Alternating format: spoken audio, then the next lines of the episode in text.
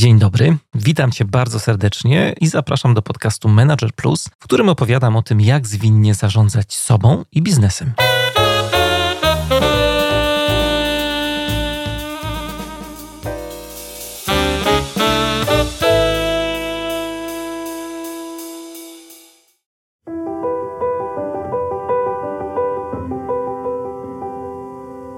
Każdy, kto ma duszę poety, z łatwością dostrzeże chmurę unoszącą się w tej kartce papieru.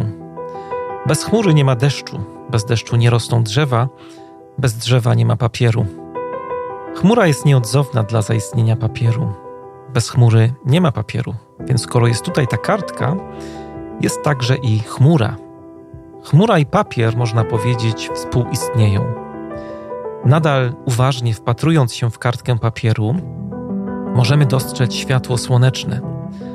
Las nie urośnie bez słońca. Nic nie jest w stanie rosnąć bez słońca, więc słońce musi być w tej kartce papieru. Papier i światło słoneczne współistnieją. Jeśli będziemy wpatrywać się dalej, dostrzeżemy drwala, który ściął drzewo i zawiózł do papierni.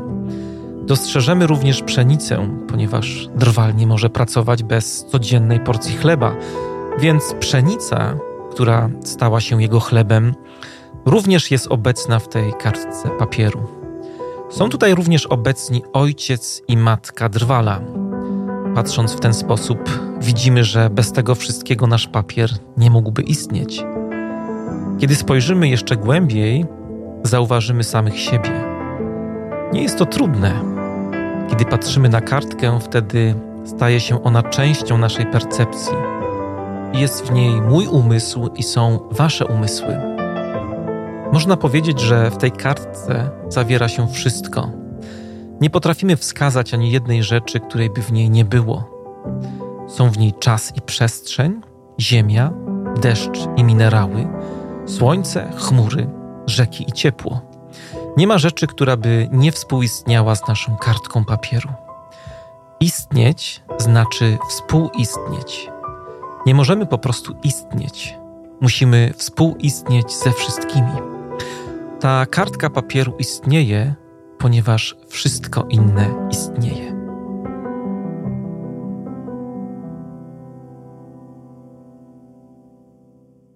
To fragment książki Thich mm, buddyjskiego mnicha z Wietnamu, który niedawno zmarł. Książka nosi tytuł Każdy krok niesie pokój a rozdział współistnienie.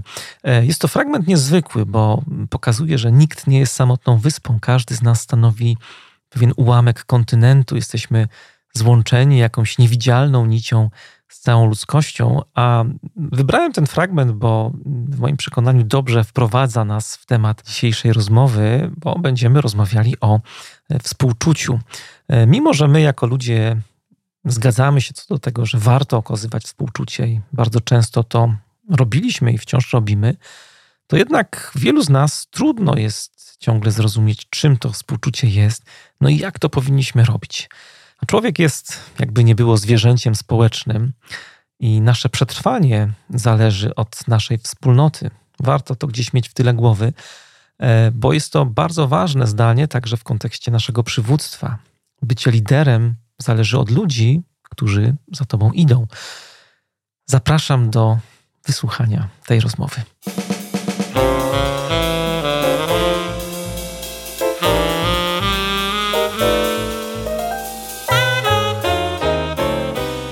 Dzisiaj y, rozmawiamy o współczuciu. Jest z nami dr Julia Wal, psycholożka, trenerka podejścia uważności i współczucia, założycielka i dyrektorka The Mind Institute i kierowniczka, mm, też pomysłodawczyni podyplomowych studiów uważności i współczucia na Uniwersytecie SWPS w Poznaniu. Musiałem się bardzo skupić, żeby y, o wszystkim powiedzieć. Witam Cię, Julio, bardzo serdecznie. Witaj, Mariuszu, bardzo widziałem, miło. Widziałem Twoje CV na, na stronie Instytutu i byłem porażony tym, co zrobiłaś i e, jak bogate masz doświadczenie w ogóle w temacie. E, wiesz co, po prostu e, zapewne był to zbyt długi e, opis, więc nie ma czym się tutaj ekscytować. Ten opis świadczy o pewnej dygresyjności mojego umysłu. Mhm. Ale bardzo miło mi być tutaj z Tobą, rozmawiać dzisiaj z Tobą, bo rozumiem, że też nawiążemy do takiego praktycznego, praktycznego wykorzystania tego, co robię, czyli między innymi podejścia uważności czy też współczucia. Mhm w, w biznesie, w, w organizacji. Tak byśmy chcieli. Zobaczymy, w jaką stronę pójdzie ta nasza rozmowa. A na początek mam dla Ciebie takie pytanie, no nie wiem na ile jest związane, ale, ale bardzo mnie ciekawiło, jak się przygotowywałem do tej naszej rozmowy i, i czytałem Twoją książkę o współczuciu i przeglądałem różne materiały w internecie. To chciałem zapytać o Twoją mamę. Kim dla Ciebie jest Twoja mama? Bo, bo sądząc po tych pięknych wierszach jej autorstwa, które pojawiły się w książce, ale też e, pojawiły się w publikacjach różnych. E, twoja mama jest też na stronie Mind Institute. To tak sobie pomyślałem, że chyba jest dla ciebie osobą bardzo ważną w życiu. E, jeszcze nikt nie, za, nie zadał mi tego pytania, a myślę, że jest to bardzo ważne pytanie. Z, zacznę z takiego poziomu może meta, zanim, zanim odpowiem na Twoje pytanie. Relacje nas kształtują. E, też moja odpowiedź jednocześnie od razu odnosi się do współczucia, bo nie ma nas bez innych i innych bez nas. E, nie istniejemy w próżni. To takie neoliberalne, e, friedmanowskie podejście, że wszystko zależy tylko od nas, nie jest, nie jest prawdziwe, nie jest naukowe i nie jest efektywne nie przekłada się na korzyści, w tym korzyści e, biznesowe. E, czyli e, jesteśmy jesteśmy wynikiem wielu różnych relacji. Ja też jestem wynikiem relacji, relacji z moimi rodzicami. I tak duży wpływ ma, miała na mnie także tutaj moja, moja mama, która dalej mnie inspiruje, motywuje, i e, mimo wzajemnych e, niedoskonałości, bo jesteśmy, jesteśmy e, ludźmi, to jest takim punktem odniesienia w sensie mądrości i odwagi, czyli też elementów jakości, czy nie bójmy się tego słowa, cnót właśnie współczucia. Bo współczucie, zanim sobie jeszcze więcej powiem na temat e, współczucia, to nie jest e, ckliwość, to nie jest jakaś forma sentymentalizmu mhm. i nawet niekoniecznie czucia.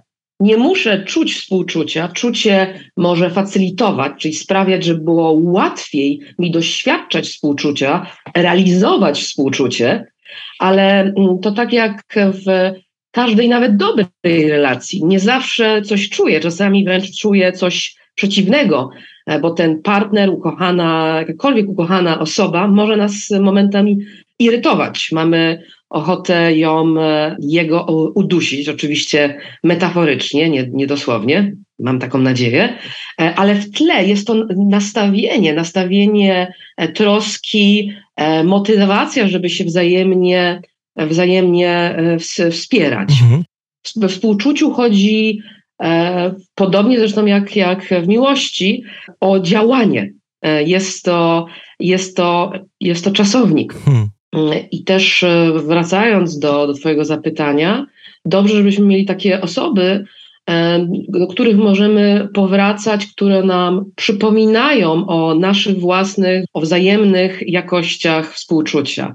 W tym właśnie, raz jeszcze to powtórzę, o odwadze, o mądrości. Kto przypomina nam o naszym wspólnym człowie, człowieczeństwie, bo my mamy różne aspekty siebie, czasami bardzo przeciwstawne motywy nami, nami rządzą. Z jednej strony, i tutaj w biznesie, według takiego starego modelu, ale nie tylko w biznesie, także w edukacji, bo edukacja jest gdzieś inspiracją dla tego, co, co później. Tym modelem, w którym się poruszamy w biznesie, w edukacji, to jest rywalizacja, konkurowanie. I to też jest jeden aspekt naszej ludzkiej natury, ale z drugiej strony jest ten aspekt związany ze współpracą, ze wspieraniem się, że właśnie nie ma ciebie beze mnie i w drugą stronę, bo inaczej byśmy po prostu nie, nie przetrwali. Mhm. Jest to czysty darwinizm. Homo sapiens sapiens, tak? czyli ta mądrość e, Homo sapiens która polegała na tym, że przestaliśmy wyrzucać z jaskiń osobników, którzy są słabsi, którzy są już nam może niepotrzebni, bo właśnie starsi już nie są w stanie realizować pewnych, e, pewnych e, zadań.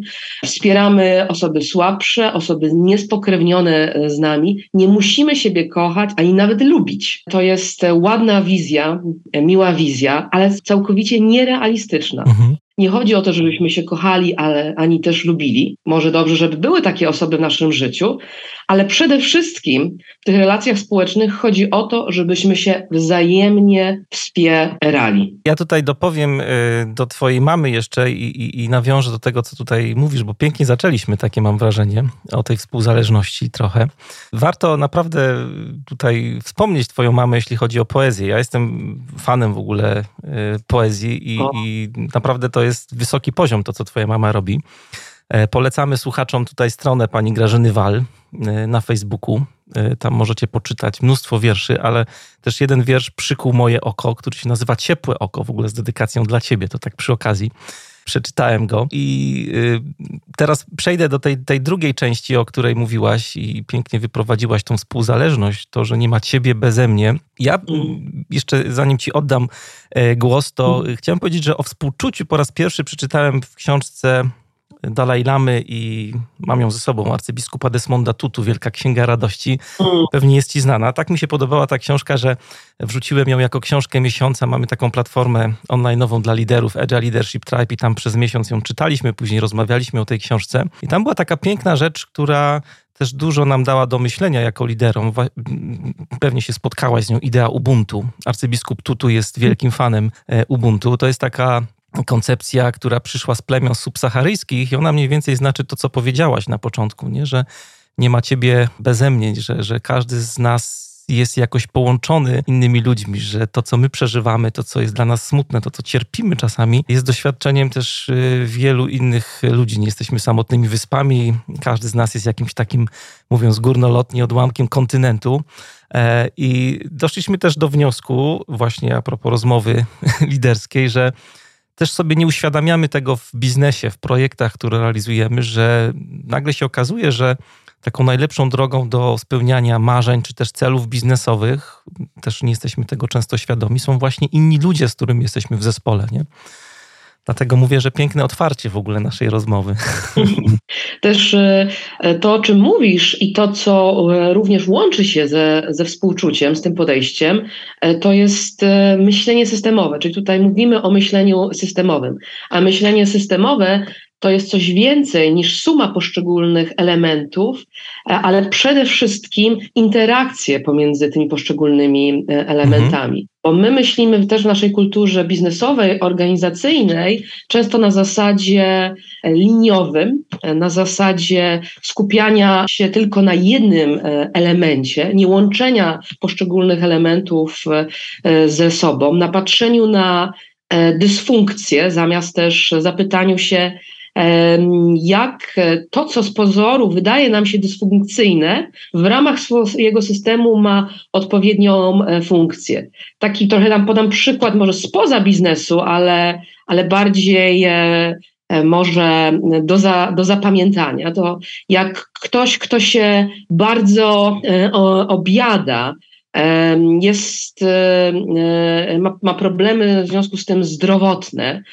staje się powiedzmy to wprost, coraz, coraz większy. I z naszego, z naszego e, punktu widzenia to jest zupełnie e, nieracjonalne, jest to irracjonalne. E, ale jaka może być funkcja tego zachowania? Może ta osoba kiedyś była, kiedyś była w doświadczeniu nadużycia, na przykład nadużycia seksualnego, i teraz ta funkcja objadania siebie, zyskiwania większej masy ciała ma, ma funkcję ochronną jestem niewidoczny, niewidoczna. Więc żaden już e, człowiek mnie nie skrzywdzi. Więc z naszej perspektywy jest to dysfunkcyjne zachowanie, ale z, z perspektywy tej osoby ma to jak największy sens. I tak samo możemy, możemy to odnieść do, e, do organizacji, do jakichkolwiek zachowań w ramach poszczególnych systemów tej, tej organizacji. Czyli też myślenie, myślenie e, współczucia jest myśleniem systemowym. Mam nadzieję, że niezbyt dygresyjnie. Nie, bardzo przydatne, wydaje mi się, to jest, co mówisz. To jeszcze sobie może pozwolimy e, do tego odnieść. Nie wiem, czy to jest ten moment, e, Mariuszu, żeby powiedzieć, czym jest współczucie i czym no jest No właśnie, chciałem o to zapytać. No to po prostu czytasz moich moich myślach. bo ja mam takie wrażenie, i myślę, że to nie jest tylko moje wrażenie, bo tak jak zaczepiam o ten temat różne osoby, to, to współczucie no nie wiem, czy to jest do końca dobre słowo, bo to, to słowo nam się tak kojarzy słabo. Y, no z litością na przykład, z jakąś taką e, słabością albo z jakąś nadwrażliwością. Ty masz podtytuł swojej książki Powrót do wrażliwości i siły, więc e, to jest trochę, mm. trochę coś innego, ale dodefiniujmy faktycznie, mm. czym, czym to jest, mm. bo można opisywać to na różne sposoby, ale może jest jakaś definicja, mhm. pewnie w psychologii to zależy, mhm. jak zwykle to bywa. To zależy i to kiedyś się śmiałam z tego sformułowania, ale to rzeczywiście to rzeczywiście za, zależy, więc też to myślenie systemowe, zaraz odpowiem na, na, na to pytanie, czym jest współczucie i też czym jest współczucie w, w, w organizacjach, ale w, ogóle słowo współczucie jest y, bardzo dobrym mhm. słowem, bo wywołuje, e, wywołuje emocje, wywołuje, może inspirować do myślenia. Nie jest, y, nie jest oczywiste i e, też powinno uruchomić myślenie krytyczne. Współczucie łączy się też e, z uważnością. Może to ten wątek jeszcze później do niego nawiążemy, ale wbrew temu, co często w sposób bardzo powierzchowny się mówi o uważności, to nie jest nie ocenianie. To nie jest brak oceny. Mhm. To jest mhm. właśnie uruchamianie um, procesów krytycznych, myślenia krytycznego. To jest, Czyli myślenie... Że ci wejdę w słowo a propos tak? tego oceniania. Bardzo ciekawe, co mówisz, bo mm, powiedziałaś na początku o tym, że współczucie wiąże się z tym, że no nie musimy jakby koniecznie kogoś mm. lubić, nie? Żeby, żeby to współczucie mm. wywołać. I tak sobie myślałem, jak o tym teraz opowiadasz, że e, no jak się włączy nam ocenianie, no to włącza się też y, lubienie lub nielubienie takiej osoby. Dokładnie. I my myślimy tak trochę niczym dzieci. A po pierwsze, że cały świat ma być e, jakiś, tak? To trochę tak jak mama czy tata. E, dzieci nie są w stanie zrozumieć tej perspektywy, e, że mama i tata mogą być tacy i tacy, tak? Dobrzy i źli. Mhm. e, przyjemni, bo na coś pozwalają, i nieprzyjemni, bo, bo nie pozwalają. I, czyli dziecko nie jest w stanie wyjść spoza, e, spoza tej narracji e, jedno, jednowymiarowej. Myślenie systemowe, też podejścia kontemplacyjne, w tym właśnie współczucie, to jest rozszerzenie, rozszerzenie perspektywy. Więc zanim jeszcze powiemy sobie o, o, definicji, to współczucie w biznesie to jest pewna umiejętność, postawa i też, i też proces. Czyli wcale nie czucie. Znowu, czucie to trochę jak ja często powtarzam w przypadku miłości. E, zakochanie, czyli ten stan e, psychotyczny, tak, psychoza na tle psychoseksualnym, e, jak mówią psychiatrzy, to jest inspiracja do tego, żeby w coś się zaangażować, w tą relację, w świat drugiego człowieka, żeby się nim zaciekawić. Ale nie jest dobrze, żebyśmy nieustannie byli skądinąd właśnie w stanie psychotycznym cały czas. I nie zawsze czujemy tego stanu zakochania. Pewnie dobrze, żebyśmy w naszej relacji do niego e, po, powracali, bo to jest e, odświeżeniem, przypomnieniem sobie tej, e, tej inspiracji, ponownym zainspirowaniem się.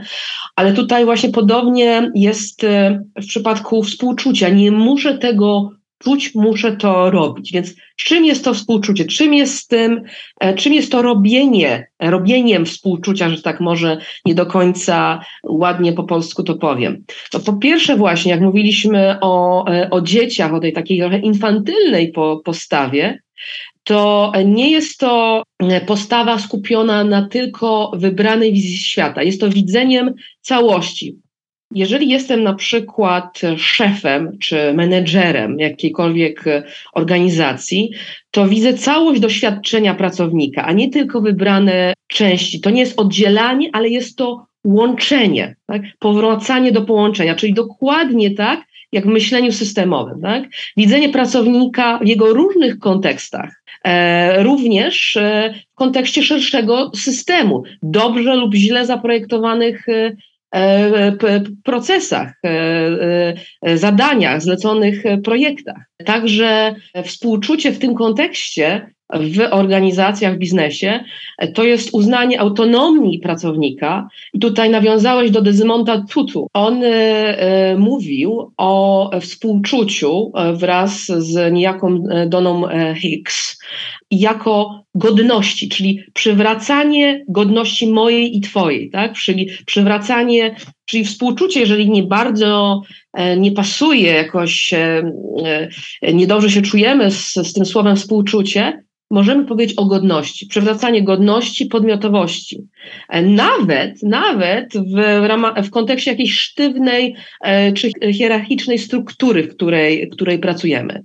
Poczu to jest wzmacnianie e, poczucia sprawstwa u pracownika, kontroli nad własnym życiem, bo w ogóle a propos też e, trudności psychologicznych, które coraz e, bardziej są obserwowane również w ramach organizacji, to wbrew temu, co się wydaje też osobom, które mają władzę, czy jest takie często przekonanie, że ja mam więcej władzy, tym samym też od, od, obowiązków, odpowiedzialności, więc ja jestem bardziej obarczony, obarczona. Ale e, to, o czym te osoby zapominają, osoby na, na wyższych stanowiskach, że tym samym mają więcej kontroli. A jak mam więcej kontroli, to także e, mam więcej, e, więcej poczucia własnej godności. Więc osoby, które mają mniej kontroli, e, mniej są bardziej zależne, to się przekłada na to, jak się czują, na, na ich stany lękowe czy też depresyjne. I tym samym też współczucie, taki trzeci element, sobie jeszcze to podsumujemy, żeby był jakiś porządek w tej mojej wypowiedzi dygresyjnej, e, to jest przywracanie sensu czy, e, czy sensów i odnajdywania ich również w świecie pracy, w którym efekty często są niejednoznaczne, niewidoczne, czasami wirtualne. Także przywracania tego sensu poprzez poczucie połączenia z innymi. E, budowanie przestrzeni do tego wspólnego, dobrego bycia w zespołach, bo znowu zależymy od siebie, współzależność, tak? jeden z kolejnych elementów współczucia i myślenia systemowego. Tak jak ty mu e, powiedziałeś na początku, że nie jesteśmy, e, nie jesteśmy odłączonymi od siebie wyspami, co ostatnie lata, myślę, dobitnie nam, e, nam poka pokazały, tak? I ten brak sensu, pozbawienia poczucia, że, nie, że ta praca no nie, ma, nie ma znaczenia, przekłada się na, na, raz jeszcze to podkreślę, na, na różnego rodzaju stany, czy to lękowe, czy depresyjne. I ten brak, że w pracy nie są realizowane wartości, no to jest jedna z przyczyn wypalenia zawodowego. Też mamy wzrost prób i e, zrealizowanych też samobójstw i, e, i też jeszcze kolejny element, czym jest współczucie, to jest zmiana paradygmatu komunikacji, w jaki sposób się komunikujemy.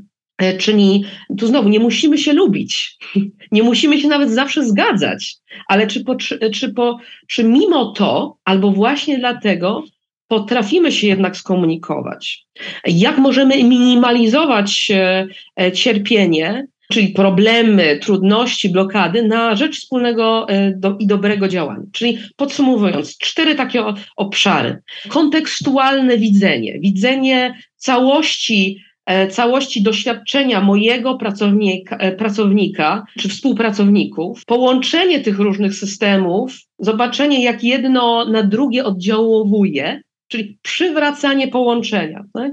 Później uznanie naszej autonomii, powracanie do nasz, mojej i Twojej wzajemnej godności. Znowu, e, godność to może być synonim współczucia, przywracanie też sensów, znaczeń, również w kontekście, e, e, w kontekście pracy i zmiana tego, w jaki sposób się komunikujemy. Że a propos jeszcze, jeszcze dzieci, takiego infantylnego myślenia, w którym obecnie się znajdujemy, jest często też takie przekonanie, że nie należy się nie zgadzać i kłócić. Nie. Człowiek dorosły może e, się kłócić, a mimo to, to nie znaczy, że ja przestanę teraz siebie nie lubić, bo ty powiedziałeś coś, z czym ja się nie zgadzam. Czyli znowu, wracamy do pierwszego punktu, czyli możliwości spojrzenia na siebie, na innych, na różne procesy z wielu perspektyw.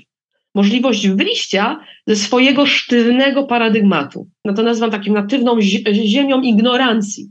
Czyli rozszerzamy, rozszerzamy perspektywę, myślenie krytyczne. Nie wiem, czy nie powiedziałam za nie, dużo, właśnie czy jeszcze... Bardzo, bardzo myślę ciekawe jest to przełożenie na, na praktykę.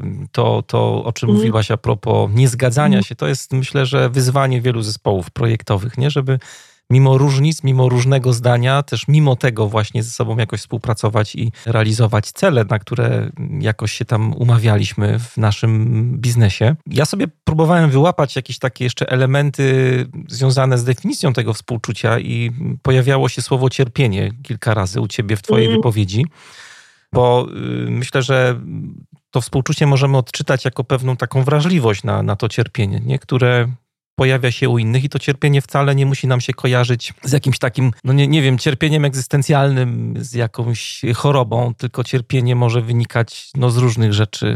To może być to, że musimy się czegoś nauczyć jeszcze na przykład w projekcie, albo nie mamy wystarczających kompetencji. No różne takie rzeczy, które się pojawiają, niezwiązane na przykład z chorobą. Nie? Cierpienie może być rozumiane bardzo, bardzo szeroko, jakiś, nie wiem, smutek też. Ale z drugiej strony mhm. też w tym, co mówiłaś, y, myślę, że to jest bardzo ważne, że jest jakaś taka motywacja, jeżeli ktoś jeżeli współczujemy komuś, czy też zaangażowanie do tego, żeby mu ulżyć, żeby w jakiś sposób e, zadziałać. Nie wiem, czy, czy to musi być działanie z efektem, czy samo jakby pragnienie tego ulżenia, bo myślę, że to jest też trudne bardzo, taka, taka trudniejsza część tego współczucia, żeby mieć taką e, w ogóle w sobie zdolność odczuwania tego pragnienia, bo wyobrażam sobie liderów, którzy mogą czegoś takiego nie mieć i są też tacy liderzy z różnymi zaburzeniami, też trzeba o tym otwarcie powiedzieć, nie, że tego nie widzą w ogóle w drugim człowieku, nie widzą mhm. tej godności, nie widzą autonomii i zarządzają trochę tak jak w mhm. folwarku e, ludźmi. No to jest też e, krótkoterminowa wizja, której również w biznesie i w ekonomii, zwłaszcza jeżeli tutaj mówimy o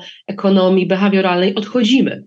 To nie wiem, czy będzie jeszcze przestrzeń, żeby powiedzieć, e, e, odnieść się trochę do ekonomii behawioralnej, ale też jest to, e, o, jednak może nawiążę teraz i zaraz też wrócę do tego, co ty powiedziałeś a propos, a propos de, definicji, ale ekonomia behawioralna pomijając, że jest taką dziedziną, która jest coraz bardziej dostrzegana, czego wynikiem jest to, że osoby się tym zajmujące, takie jak Daniel Kahneman, e, wygrywają, e, otrzymują Nagrodę Nobla, czyli też, też widać potrzebę odniesienia się do do ekonomii behawioralnej. A czym jest ekonomia, ekonomia behawioralna? Jest to także myślenie, jest to związane z myśleniem systemowym, czyli nie myślenie tylko z jednej perspektywy, na przykład jedynie nastawionej na, na myślenie ilościowe, na, na zyski. Wzięcie pod uwagę także tego, że nie żyjemy w próżni, że jesteśmy żyjącymi e, istotami, które poddawane są procesom fizjologicznym, poznawczym, e, społecznym, że także jesteśmy pełni, e, pełni ignorancji, czy też operując terminami ekonomistów behawioralnych, takich właśnie jak wspomniany Daniel Kahneman, Mamy różne zniekształcenia, zniekształcenia poznawcze, czy noise, hałasy, czyli też, też nie, nie jesteśmy, w dużym skrócie, nie jesteśmy obiektywni, czyli to, co mówił Friedman, że ludzie, ludzie są tylko nastawieni na, na, na zysk, to jest najważniejsze. E, że też potrafimy być racjonalni. Potrafimy, ale też jesteśmy bardzo irracjonalni, bo nie jesteśmy w stanie wszystkiego, e, wszystkiego zauważyć. E, I to, co pokazują badania, że już samo zadanie pytania o, o naszą ignorancję, czyli o to, czego nie widzę, czego jeszcze nie widzę, czego jeszcze nie, nie, nie słyszę, nie dostrzegam, już powoduje, że, że zaczynamy widzieć więcej choć dalej są pewne obszary naszej, naszej ignorancji. I dlaczego mówię o e, ekonomii behawioralnej, dlaczego mówię e, o, o tych rejonach e, ignorancji, zniekształceniach poznawczych? Bo to odnosi się także do współczucia, bo mówiliśmy o tym, że współczucie to jest rozszerzanie perspektywy, czy też widzenie, e, patrzenie na, na siebie, na innych, na dany problem czy procesy w ramach e, organizacji, czy własnego, naszego własnego życia z wielu, z wielu perspektyw. I teraz wracając do tego, o czym ty mówiłeś, tak pięknie wy, wyłowiłeś e, esencję współczucia. Tak, współczucie, w tym współczucie organizacyjne E, istnieje, ma miejsce, gdy członkowie systemu zbiorowo zauważają, też e, e, może odczuwają, choć znowu odczuwanie nie jest konieczne, ale reagują. Tak, jest reakcja na ten ból. Ten ból, no to może być jakiś dyskomfort, może być jakaś trudność, dość, doświadczany przez członków, członków tego systemu. Czyli są jakby dwie części tej definicji współczucia. Po pierwsze, muszę, muszę zauważyć, że coś się zadziewa we mnie, czy też w innych. Jestem w stanie z tym, z tym być, nie unikam tego. Znaczy, to jest związane z tą ignorancją, której, e, o której sobie tutaj po, powiedzieliśmy. Zaczynam dostrzegać, mogę z tym być. To też a propos po, po tytułu tej, e, tej, tej, mojej skromnej książeczki, tak uwrażliwianie wraz z uodparnianiem. Tak? Ja mam pewną wrażliwość, ale też pewną odporność, tak? bo e, współczucie nie musi być koniecznie związane z empatią. Empatia czasami wręcz może może blokować procesy współczucia, bo jeżeli jest to ta empatia, tak zwana empatia afektywna, czyli właśnie związana z odczuwaniem, czuję to, co ty czuję, przynajmniej w jakimś, jakimś stopniu, to jeżeli ja czuję za dużo, to, to tak jakby mnie to e, unieruchamiało, bo za dużo jest tej, tej empatii, tego smutku, który ja od ciebie przy, przyjmuję, a współczucie jest czymś innym, czyli okej, okay, zauważam, mogę z tym być, ale druga część definicji współczucia, o której też powiedziałeś, i co w związku z tym robię? I, e, i też pytanie, które zadałeś, czy zawsze to musi być efektywne, czy, e, czy też nie? No wiadomo, że nie zawsze nam się będzie udawać, ale próbujemy. To jest zawsze związane, jeżeli byśmy zapomnieli jakąkolwiek definicję współczucia, to możemy na to popatrzeć w ten sposób. W związku z tym, co dostrzegam, czego doświadczam albo czego inni doświadczają, co byłoby pomocnym i po czym to mogę rozpoznać. Co jest pomocnym, a co nie jest pomocnym, bo będziemy się w tym procesie mylić. Czyli jest to też myślenie, sposób myślenia wieloperspektywiczny, z wielu perspektyw, z jednej, z jednej strony, oparty na, na procesach, bo e, e, żadne manualne, żadne case studies, dlaczego case studies nie działają albo działają w ograniczonym stopniu? Bo gdy jakiś najlepszy case study przeniesiemy do tej organizacji, to może być zupełnie nieefektywne w ramach tej konkretnej organizacji. Więc też dobrze sobie to rozrysować w sposób, e, w sposób systemowy. A systemy to tak jeszcze troszeczkę mała, mała dygresja, e, ale też odnosząca się de facto do współczucia. E, myślenie systemowe bardzo, bardzo prosty sposób, e, jakbyśmy chcieli to, tą całą teorię opisać, więc tutaj też przepraszam za duży skrót myślowy, to jest wpierw rozpoznanie elementów tego systemu, jak te elementy, następnie jak te elementy się między sobą łączą, w jaki sposób, jakie są funkcje danych tych poszczególnych elementów. Czyli nawet jeżeli coś wydaje nam się niefunkcjonalny, czy wręcz dysfunkcjonalny, to jakbyśmy mogli zadać sobie pytanie, to znowu, to jest to myślenie z wielu perspektyw. Jaką to jednak ma funkcję dla danego systemu? Coś, co z pozoru wydaje nam się irracjonalne.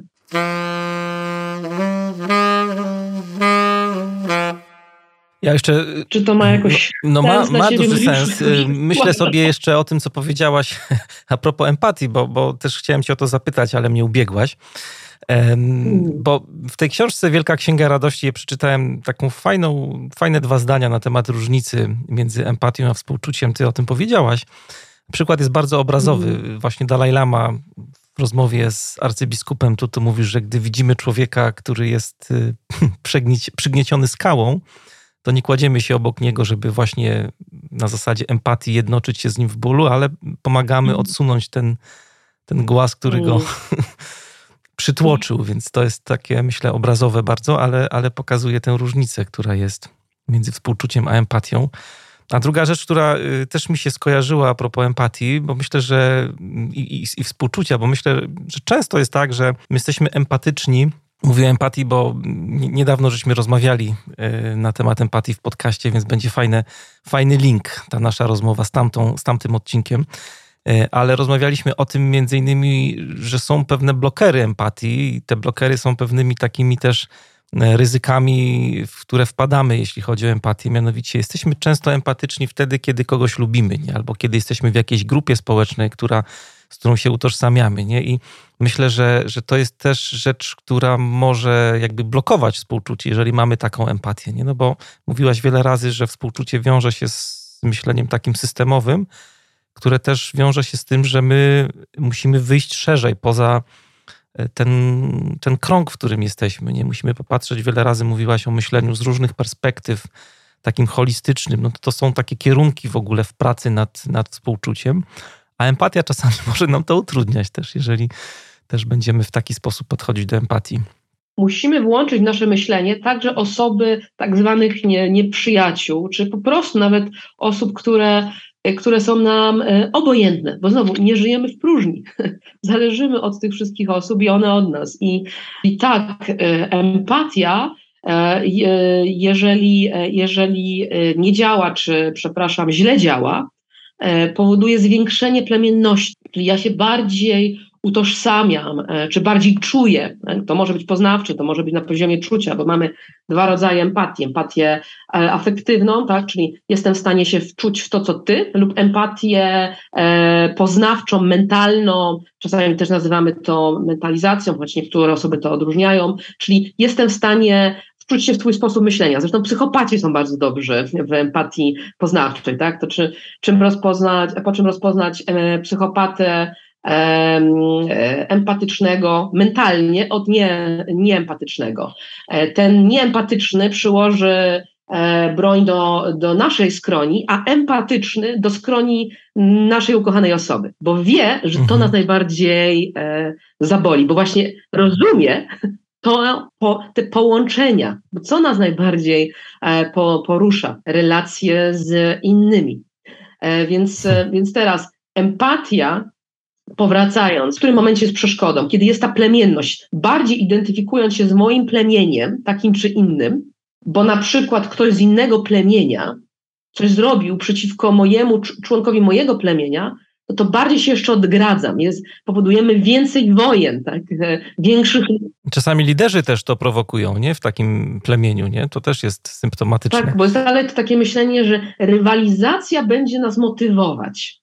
A jakby to było, popatrzeć na, na nasze działania z perspektywy współczującej.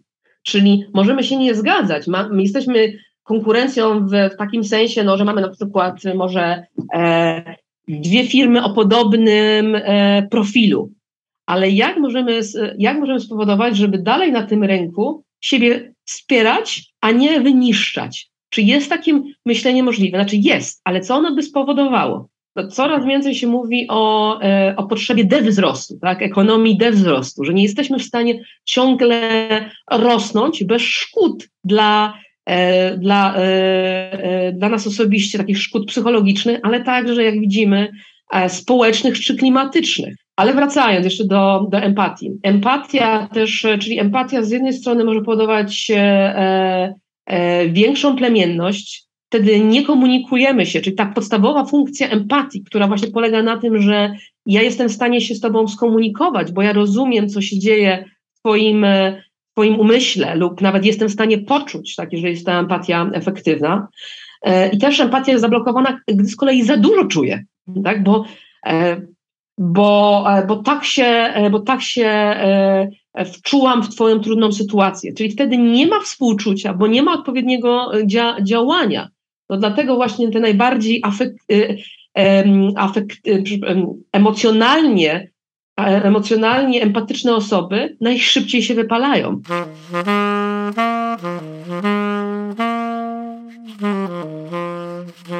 Ja sobie też myślałem o współczuciu w tym kontekście, przyznam się szczerze, bo możesz się też tak bardzo, mm, będąc osobą współczującą, tak bardzo koncentrować na tym, co kogoś boli, co komuś jest, na tym cierpieniu, o którym tutaj mówimy, e, że to też może być trudne dla wielu osób. E, gdzieś przeczytałem jakąś rozmowę z mnichem buddyjskim, który, nie pamiętam nazwiska teraz, ale właśnie on wspominał o tym, że lepiej jest patrzeć na tą, na tą radość, którą my odczuwalibyśmy właśnie na widok tego uwalniania się tych osób od tego cierpienia, właśnie którym współczujemy, że to jest ta, ta perspektywa efektu jest właśnie e, taka lepsza, nie w myśleniu o, o współczuciu. Bardzo, bardzo ciekawe jest też w kontekście tego, co mówisz o empatii, że można być za bardzo empatycznym i to nam może też utrudniać życie. Mhm. Więc też e, patrząc na to cierpienie na zasadzie I znowu to podkreślę też raz jeszcze, odnosząc się do myślenia systemowego, nie jaka jest funkcja, tylko jaka jest funkcja tego cierpienia. Bo jeżeli ja mam e, depresję, mhm. czy jestem w sposób e, chora, doświadczam jakiejś, jakiejś trudności, to co mi ta sytuacja, co mi ten, co mi ten objaw pokazuje? E, nie na zasadzie obwiniania siebie czy kogokolwiek, to też jest perspektywa e, współczucia, czyli nie obwiniam siebie i innych, bo to nie jest moją winą, bo czasami niezależnie nawet od, od okoliczności, taką, a nie inną mamy e, fizjologię, takie, takie, a nie inne myśli, emocje się, się pojawiamy, a czasami tak, obiektywnie coś zadziewa się w naszym bliższym lub dalszym e, środowisku. To nie jest naszą winą, ale jest naszą odpowiedzialnością. Czyli współczucie wiąże się też z konkretnymi e, jakościami, tak jak zaczęliśmy mówić na początku. Jakość odwagi, czyli ja jestem w stanie odważnie popatrzeć na siebie, tak? na, swoje, na swojego różnego rodzaju zachowania, przekonania, rejony ignorancji, czy wręcz E, rejony czy zachowania, które, e, które powodują więcej cierpienia we mnie i, i innych. To jest też odwaga widzenia wielu, wielu perspektyw, że ten człowiek, e, my, my ludzie, jesteśmy w stanie tworzyć piękną, piękną poezję. Mówiliśmy tu dzisiaj o, o poezji, piękną architekturę, sztukę, e, współpracować, a z drugiej strony Potrafimy tworzyć świetnie funkcjonujące obozy koncentracyjne, gdzie zabijamy inne osoby. Czyli mamy znowu różne, różne motywacje są w nas, różne elementy. E, I e, w każdym z nas może być taki element, właśnie mówimy empatii, empatyczny, e, współpracujący i taki element, który wręcz chciałby, e, jest zazdrosny, czy chciałby kogoś e, zniszczyć. Może właśnie wynika to z tej zazdrości i rywalizacji. Odwaga, następnie mądrość, mądrość widzenia, z czego to wynika, łączenia różnych kontekstów i zaprzestanie obwiniania siebie i innych, bo skoro, skoro rozumiem, to już nie muszę obwiniać. I to jest połączone z wiedzą i doświadczeniem. Sama wiedza nie, nie wystarczy, samo doświadczenie też nie wystarczy że musimy jedno z drugim e, po, pożenić. I trzeci element, no mam jakąś życzliwość podstawową. I, e, e, I tu znowu nie chodzi o to, że ja muszę wszystkich kochać i udawać kogoś milusińskiego, ale że jak, jako, że wiemy, że trudno być czasami człowiekiem, trudno czasami być współczującym, możemy mieć nawet taką, taką intencję, ale obudziliśmy się rano, jesteśmy zmęczeni, ja chyba najadłam się wczoraj e, glutenu i czuję się zapchany. Mam taką dzisiaj lekką irytację, tak? To mnie rozprasza w trakcie naszego spotkania. Jeszcze mam symptomy po, po, po covidowe. Tak? E, I to może też być taką blokadą w, w, we, współ, we współczuciu, tak? czy nawet zwykłej uważności.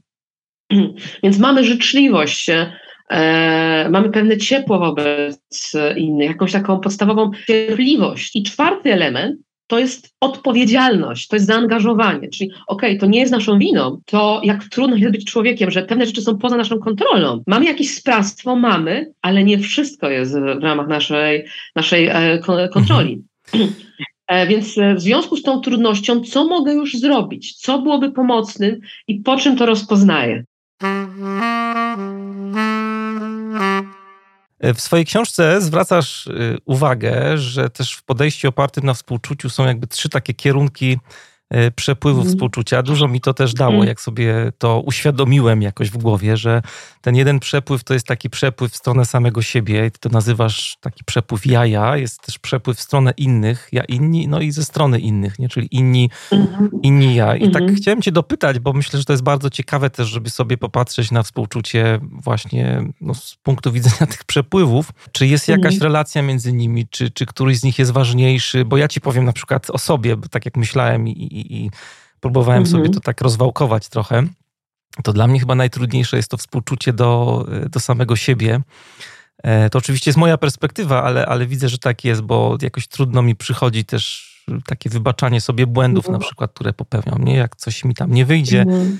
brakuje mi jakiejś takiej życzliwości wobec samego siebie, trochę za dużo chcę czasami, to może też jest kwestia perfekcjonizmu. Mhm. No ale, ale ta świadomość też dużo, dużo daje myślenia w, ogóle o tym. I chciałem dopytać mm. właśnie, jak to, jak to z tym jest. Dziękuję, że o, tym, że o tym wspomniałeś, bo tak, mówimy o trzech e, przepływach, kierunkach, czy też umiejętnościach współczucia. E, współczuciu wobec, wobec siebie samego, e, czyli umiem do, do siebie samego, umiem dawać sobie współczucie, Czyli znowu zauważam swoją, swoją trudność i w związku z tą trudnością, bólem, dyskomfortem e, odpowiednie kroki podejmuję. Czyli mam też odpowiednią motywację, która przekłada się na, na odpowiednie zachowanie. Później kierunek e, współczucia, umiejętność dawania tego współczucia e, innym. I tu znowu zauważam czyjeś trudności i odpowiedni sposób na to reaguję, odpowiednim działaniem i też umiejętność brania współczucia od innych. I wszystkie trzy przepływy są równie ważne. E, I oczywiście czasami potrzebujemy na jednym z tych przepływów bardziej się skupić aniżeli na, e, na pozostałymi, bo, e, bo jest taka, a nie inna okoliczność, takie, a nie inne okoliczności się znajdujemy, ale nie możemy tylko skupić się na, na jednym z nich, bo jeżeli byśmy się skupili tylko na współczuciu wobec siebie samego, to wzmacniamy swój narcyzm i odcinamy się paradoksalnie no tak od innych. I to, co miało nas przybliżyć, bo mówimy o współczuciu, może nas oddzielić.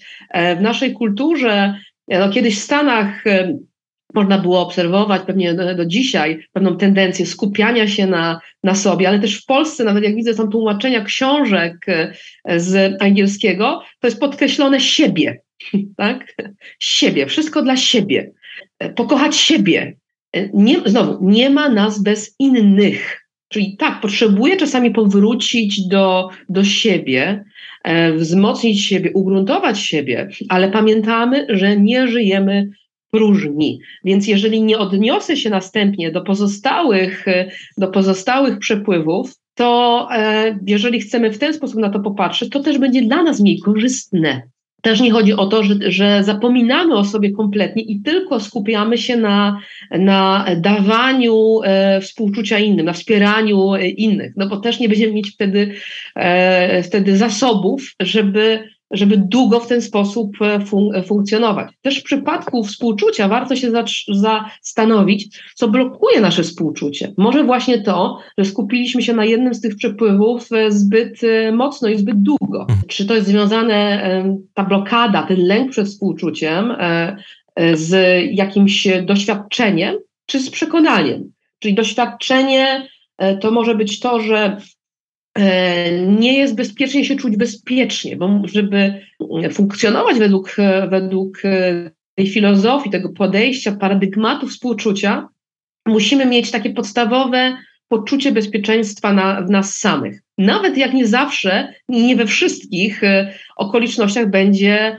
w 100% bezpiecznie, bo nie będzie. No, tak jak w pracy, no, to nie jest taka okoliczność, jak jesteśmy E, jesteśmy z naszymi e, najbliższymi. Tak? To jednak jest kontekst pracy, pewnych zadań, pewnych stresu i tak dalej. Ale z drugiej, z drugiej ale strony. Że, do jakiegoś stopnia. Z drugiej strony, że ci mhm. wejdę tutaj w słowo, to mhm. też y, myślę, że ciekawą, ciekawy temat wyciągnęłaś na, na światło dzienne, bo y, to do końca nie jest tak, że też nie możemy nic z tym zrobić. No, dzisiaj takim hasłem, mhm. które się pojawia w zarządzaniu, w przywództwie, o którym się dużo mówi, jest bezpieczeństwo psychologiczne nie? i rolą liderów jest y, zadbanie o to, żeby ci ludzie czuli się bezpieczni. To, o czym mówisz właśnie w swoich zespołach, żeby w sposób taki nieskrępowany mówić o tym, co jest dla nich na przykład ważne. I myślę sobie tak, y, komentując trochę z boku to, co mówisz, że to może być też fajny taki ekosystem dla, dla współczucia, jeżeli lider zadba o takie zaufanie w zespole. Nie, no bo możemy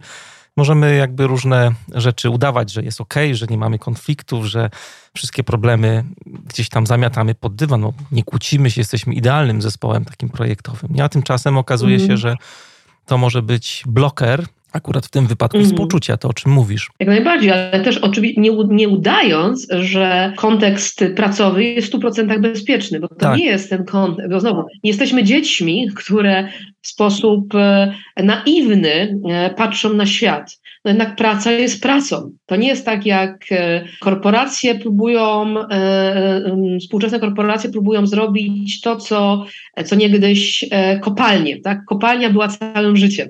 I taki, taki Google czy, czy inne firmy, mam tam pokój do zabawy, do odpoczynku i tak dalej. Ta praca jest całą, całym moim życiem ale praca jest pracą. Freud mawiał, że zdrowy człowiek odnosi się do dwóch elementów: do pracy i do, i do miłości, do relacji. E, to jest troszeczkę e, inny kontekst niż jak jesteśmy z rodziną, z, e, z przyjaciółmi, jak jesteśmy na, na wakacjach potrzebujemy różnych kontekstów i różnych form. Czyli nie chodzi o to, że mamy naiwnie pomyśleć, że w pracy, pracy e, jest w 100% bezpiecznie, bo nawet jeżeli mamy świetny zespół, to jesteśmy poddawani różnego rodzaju stresorom, bo mamy pewne zadania, które potrzebujemy z, zrealizować. To nie jest poddawanie się jedynie przyjemnościom ale chodzi o to, żeby było, było to e, na tyle bezpieczne, że mogę właśnie realizować te, te zadania. Tak? Czyli, że, że, ten, że te stresory nie przekraczają pewnego limitu. Też mówimy w podejściu współczucia o, równoważy, o równoważeniu naszego funkcjonowania. Czyli mówimy o takich trzech systemach, e, w których zazwyczaj funkcjonujemy. Mówimy o systemie zagrożenia, wyłapywania e, zagrożeń, potrzebie ochrony. I tutaj krytyka może uruchamiać ten system, również samokrytyka, deadline'y, tak? zawsze powtarzam, że to straszna nazwa, linie śmierci, wiem kto to wymyślił. Zadania, tak? Mogą być to e, bezpośrednie zagrożenia, ale także czysto wyobrażone. My mamy taką umiejętność jako ludzie. I e, następnie mamy system dążenia, osiągania, czyli chcemy coś zrealizować, nawet z entuzjazmu, bo w tym systemie mamy entuzjazm. Możemy, e, możemy planować realizację kolejnych zadań, bo naprawdę chcemy coś fajnego zrobić w naszej pracy. Też e, w tym systemie e, planujemy na przykład nasze wakacje, tak? to jest entuzjazm, ale jest jednak dążenie, osiąganie.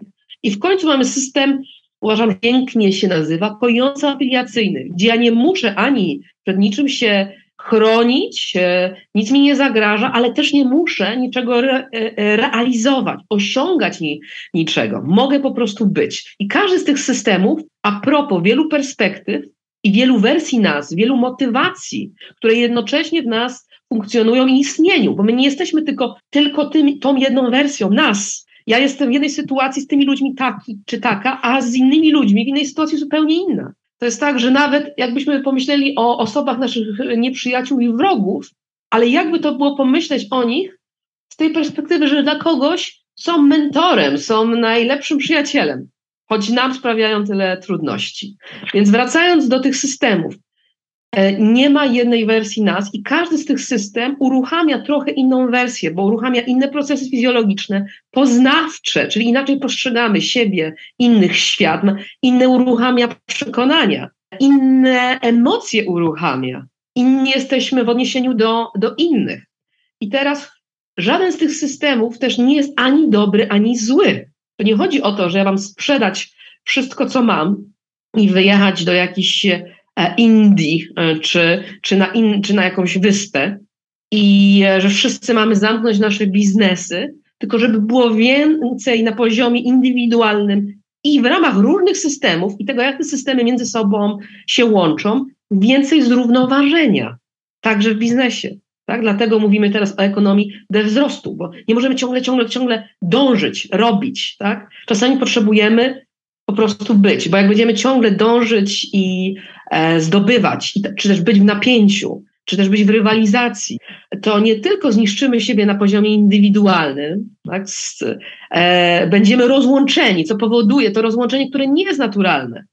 Powoduje takie, a nie inne skutki e, psychologiczne, zdrowotne, ale zniszczymy także tą planetę.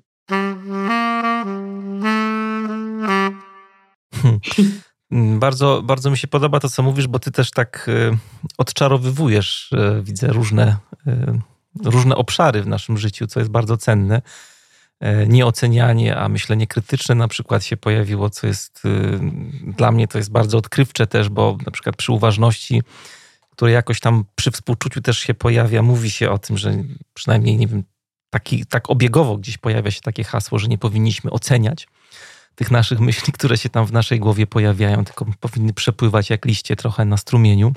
Mówisz o tym, że praca jest pracą, to też y, jest bardzo cenne, bo mam wrażenie, że jakby gubimy E, gubimy tą różnicę. No i teraz mówisz o takiej rzeczy trzeciej, którą gdzieś tam wyłapałem, też bardzo cennej, bo mówisz, że w Stanach był e, taki kult e, trochę ego może, czy takiego indywidualizmu.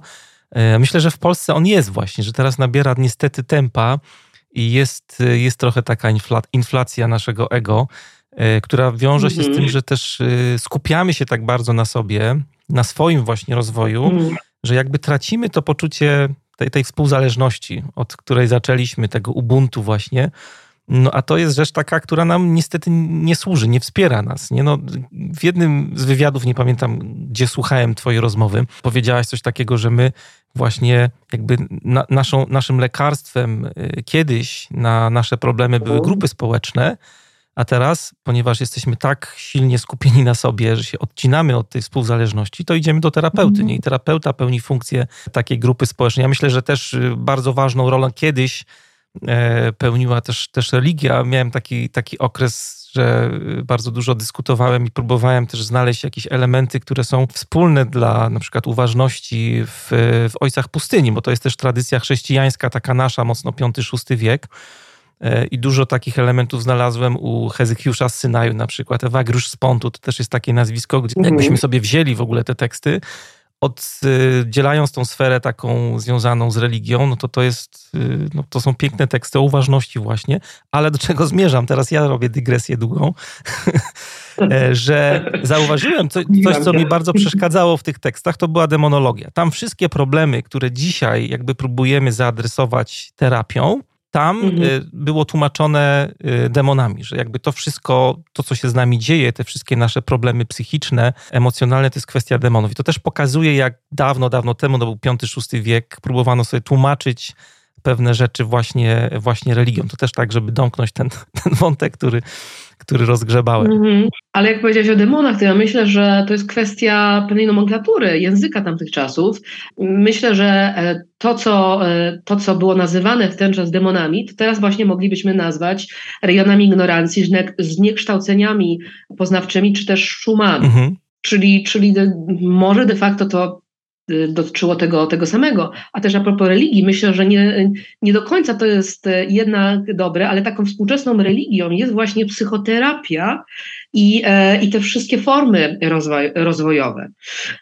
Ale znowu, one nie powinny zastąpić tego, co jest e, tak dla nas dalej, nawet fizjologicznie naturalne i, po, i potrzebne. E, relacji z, in, z innymi. Bo też mamy taki pozór trochę relacji, Czyli to co, to, co pomaga, może im e, paradoksalnie przeszkadzać, czyli te różne formy współczesnych e, mediów, tak? to, że mamy Zoomy, na którym teraz, e, przez który teraz rozmawiamy, Messengery, Whatsappy i tak dalej, i tak dalej. Czyli to może powodować iluzję połączenia, ale tak naprawdę tego połączenia nie ma. Czyli znowu, co nas rozłącza od, e, okay, od siebie, ale też od innych i co nas łączy z, e, z innymi? Czy koniecznie na przykład różnica w przekonaniach musi nas rozłączać z innymi?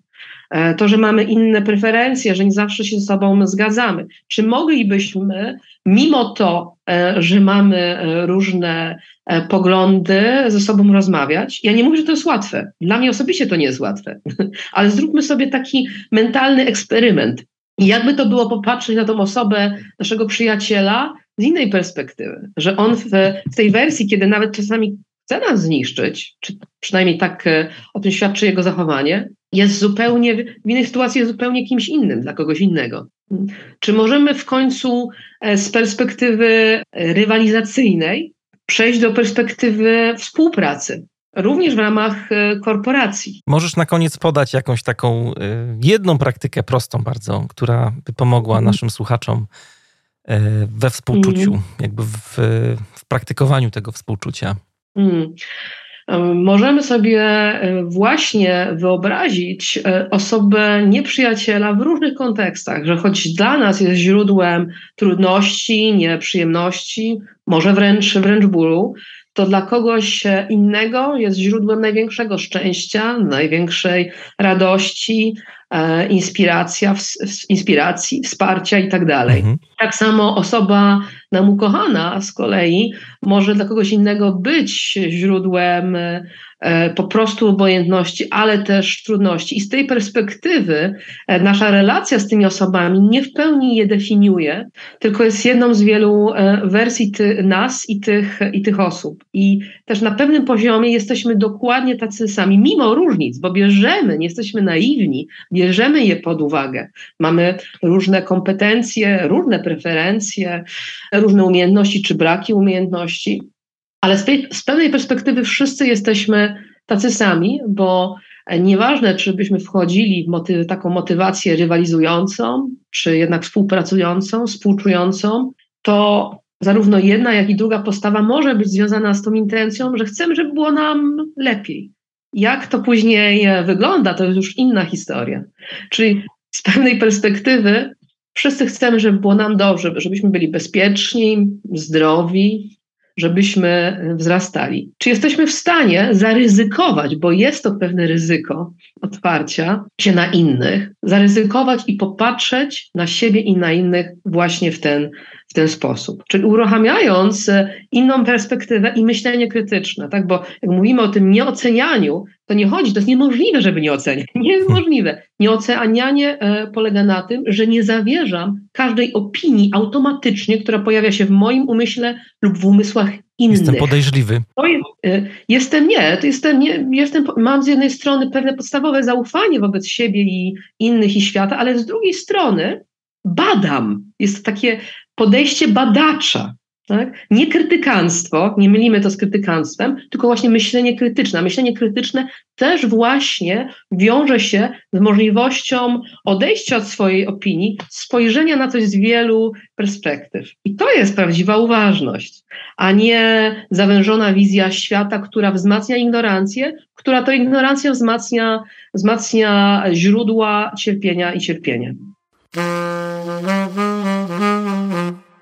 Ja chciałbym tę naszą rozmowę zakończyć e, życzeniami dla słuchaczy, które się już tam zaczęły pojawiać w tym, co mówiłaś. Te życzenia to są życzenia, którymi kończy się Twoja książka o współczuciu. Obyś był spokojny, obyś był zdrowy, obyś był bezpieczny i obyś mógł panować nie tylko nad tym, co trudne, ale i wzrastać. Jak chcesz, to możesz coś dodać do tych życzeń jeszcze bo to można pewnie rozciągać.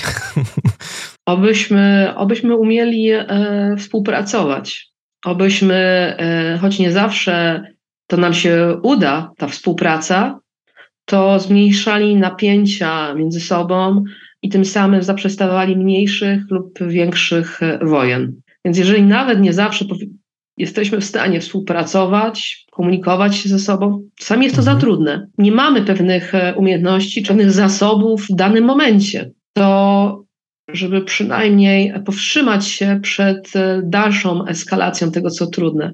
Julio, bardzo dziękuję za tę piękną rozmowę, bo była piękna. Dziękuję.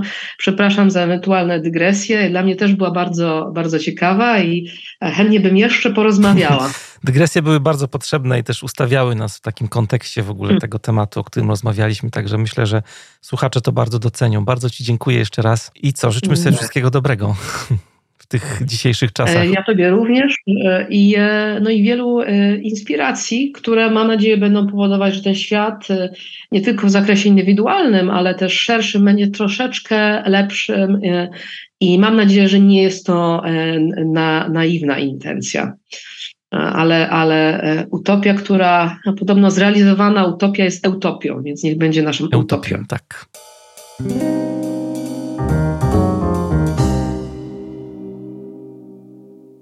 Bardzo, bardzo dziękuję wszystkim patronom i patronkom podcastu Manager Plus. to dzięki Wam mogę nagrywać kolejne podcastowe odcinki. Dziękuję też wszystkim osobom, które zdecydowały się przedłużyć swoją subskrypcję, w tym także mecenasowi podcastu firmie iSolution, która jest patronem w zasadzie od samego początku. Bardzo, bardzo to doceniam i przesyłam ogromną wdzięczność. A jeżeli podoba Ci się to, co robię, jeżeli podobają Ci się rozmowy, tematy, które tutaj przedstawiam w Menedżerze Plus, to bardzo serdecznie zapraszam Cię do dołączenia do grona przyjaciół podcastu Manager Plus. Patroni, dodam jeszcze, że mają e, dostęp do materiałów, które poszerzają tematykę poruszaną w podcaście. To mogą być bardzo różne rzeczy, na przykład artykuły, propozycje książek, które rozszerzają tematy poruszane właśnie w naszych rozmowach. To mogą być linki do materiałów wideo, czasem też materiały udostępniane przez moich podcastowych gości, a raz w miesiącu podrzucam też taką listę zwinnych lektur, które pomagają liderom w ich codziennym e, rozwoju, w e, szlifowaniu ich codziennego przywództwa. Jest też mnóstwo innych bonusów, ale tutaj już odsyłam Cię do strony patronite.pl ukośnik manager plus pisane bez polskich znaków. Też szczegóły i link do strony Patronite znajdziesz na stronie mariuszchrapko.com w materiałach do tego odcinka. To już wszystko na dzisiaj. Ja się nazywam Mariusz Hrabko. Trzymajcie się i do usłyszenia niebawem.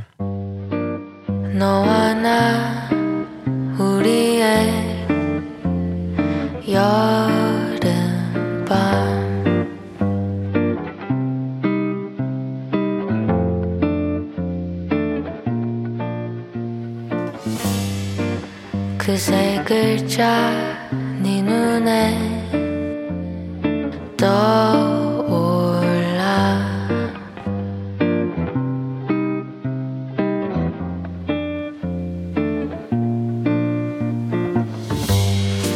잠깐만 아 아니야. 떠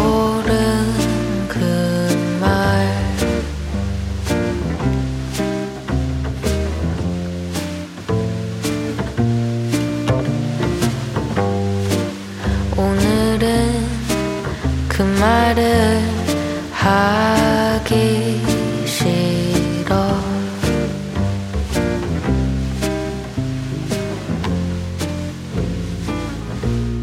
그 얘기